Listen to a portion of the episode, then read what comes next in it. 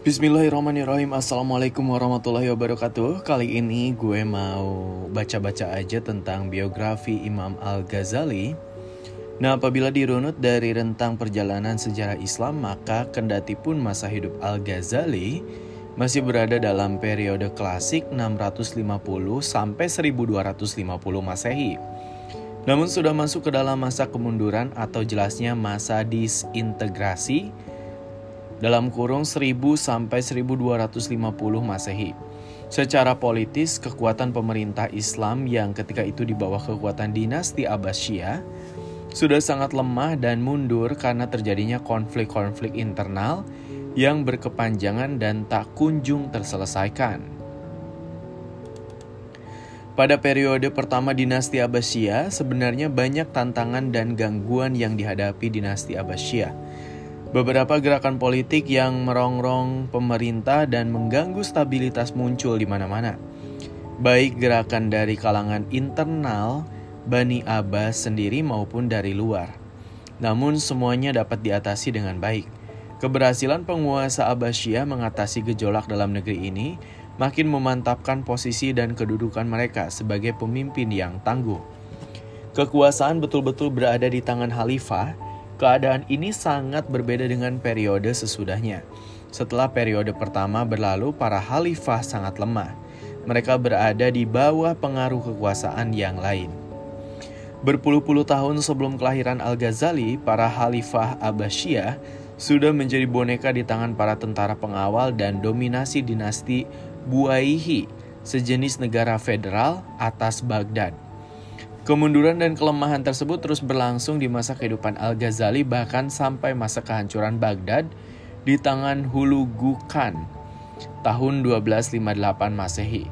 Di samping kerajaan Abbasiyah mengalami masa disintegrasi di bidang politik dan kebudayaan mulai dari pemberontakan yang dilancarkan kaum Zanz, Kama Karamita, dan Hashishiain. Hashishin. Sampai pada intrik-intrik yang dilancarkan oleh Bani Buaihi yang berfaham Syiah pula. Misalnya kaum Karamita eh, dapat mengacu keamanan dan ketenangan masyarakat dengan jalan menyerang Baghdad dan Mekah. Bahkan berhasil membawa lari Hajar al-Aswad dan sempat menguasainya selama dua tahun. Demikian pula gerakan kaum Hashishashin yang berpusat di Alamut berhasil mengusik keamanan dan ketenangan umat melalui aksi penculikan dan pembunuhan terdapat para pembesar kerajaan yang memusuhi mereka.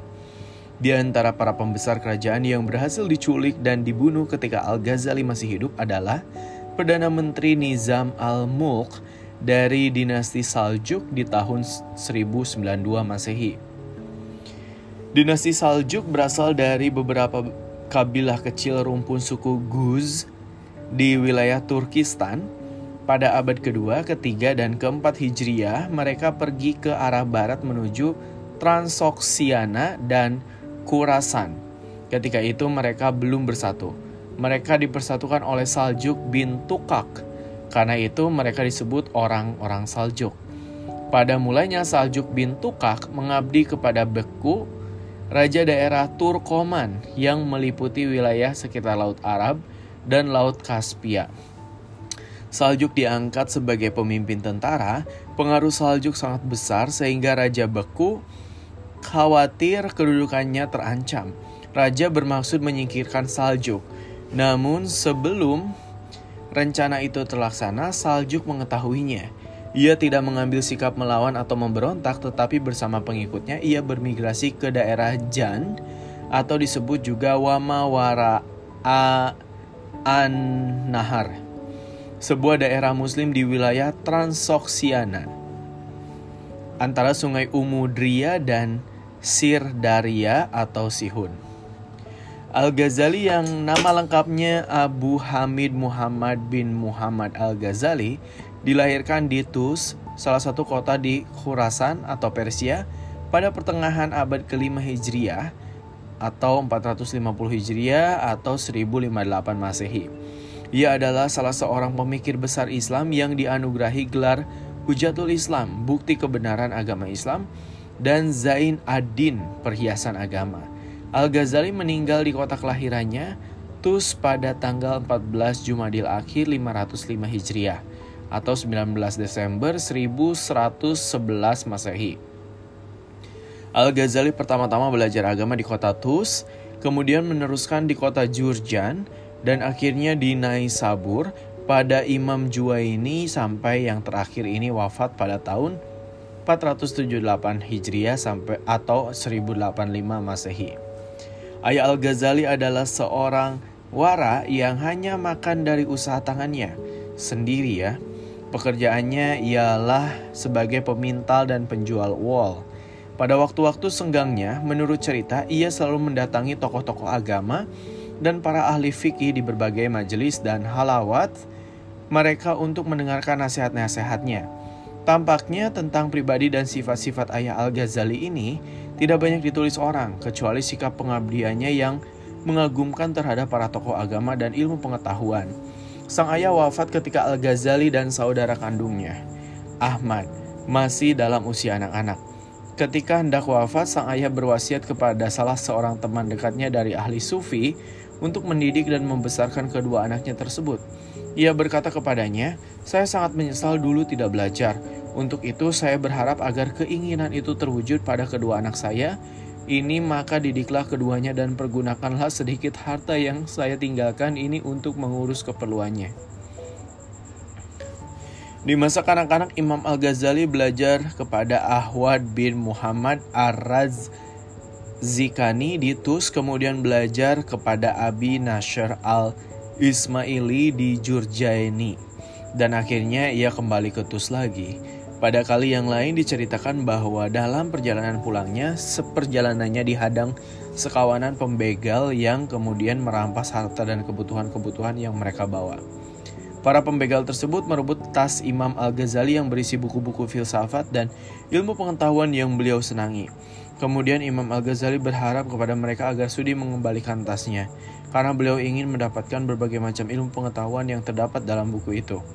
Kawanan perampok merasa iba hati dan kasihan padanya, akhirnya mereka mengembalikan kitab-kitab itu kepadanya. Diceritakan pula setelah itu beliau menjadi rajin sekali mempelajari kitab-kitabnya, memahami ilmu yang terkandung di dalamnya dan berusaha mengamalkannya.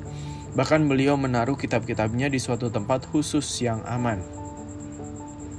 Pengetahuan-pengetahuan yang ada di Tus agaknya tidak cukup memadai untuk membekali Al-Ghazali. Untuk itu, ia kemudian pergi ke Naisabur, salah satu dari sekian kota ilmu pengetahuan yang terkenal pada zamannya. Di sini ia belajar ilmu-ilmu yang populer pada saat itu seperti belajar tentang mazhab-mazhab fikih, ilmu kalam dan usul, filsafat, logika, dan ilmu-ilmu agama yang lainnya kepada Imam Al-Haramain, Abu Al-Ma'li, Ma'ali Al-Juwaini, seorang ahli teologi Ashi Asharia, Asharia yang paling terkenal pada masa itu dan profesor terpandang di perguruan Nizamiyah di Naisabur. Karena kecerdasan yang dimilikinya, semua ilmu tersebut dapat dikuasai dalam waktu yang sangat singkat. Bahkan, Al-Ghazali sempat menampilkan karya perdananya dalam bidang ilmu fikih, yaitu Manhul fil Ilmi al-Usul. Dengan demikian, semakin lengkaplah ilmu yang diterimanya selama di Naisabur. Boleh dikatakan saat itu Al-Ghazali telah tampak sebagai figur intelektual yang menguasai berbagai disiplin ilmu pengetahuan. Di sekolah Nizamiyah ini pula ia diangkat menjadi dosen dalam usia 25 tahun.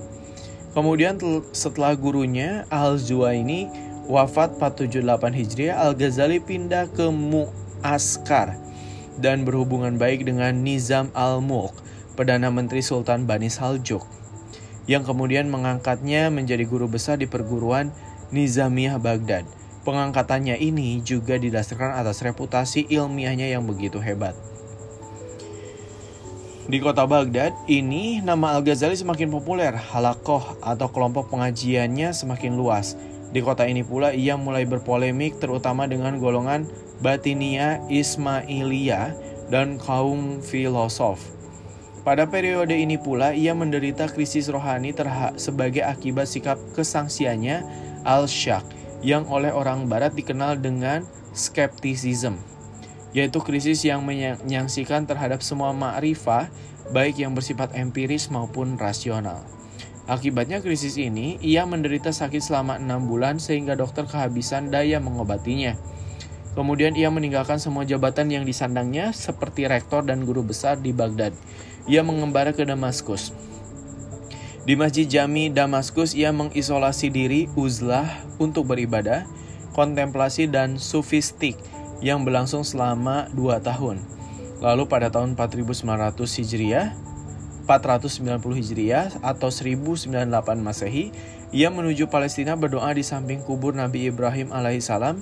Kemudian ia berangkat ke Mekah dan Madinah untuk menunaikan ibadah haji dan berziarah ke makam Rasulullah Muhammad SAW.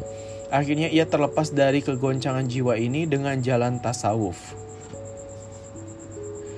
Selesai ibadah haji tahun 4809 Hijriah, dia pergi ke Syam serta tinggal di Damaskus, mengajar di ruangan sebelah barat masjid kota ini, kota itu. Dari situ lalu ia dia pergi ke Baitul Maqdis untuk beribadah.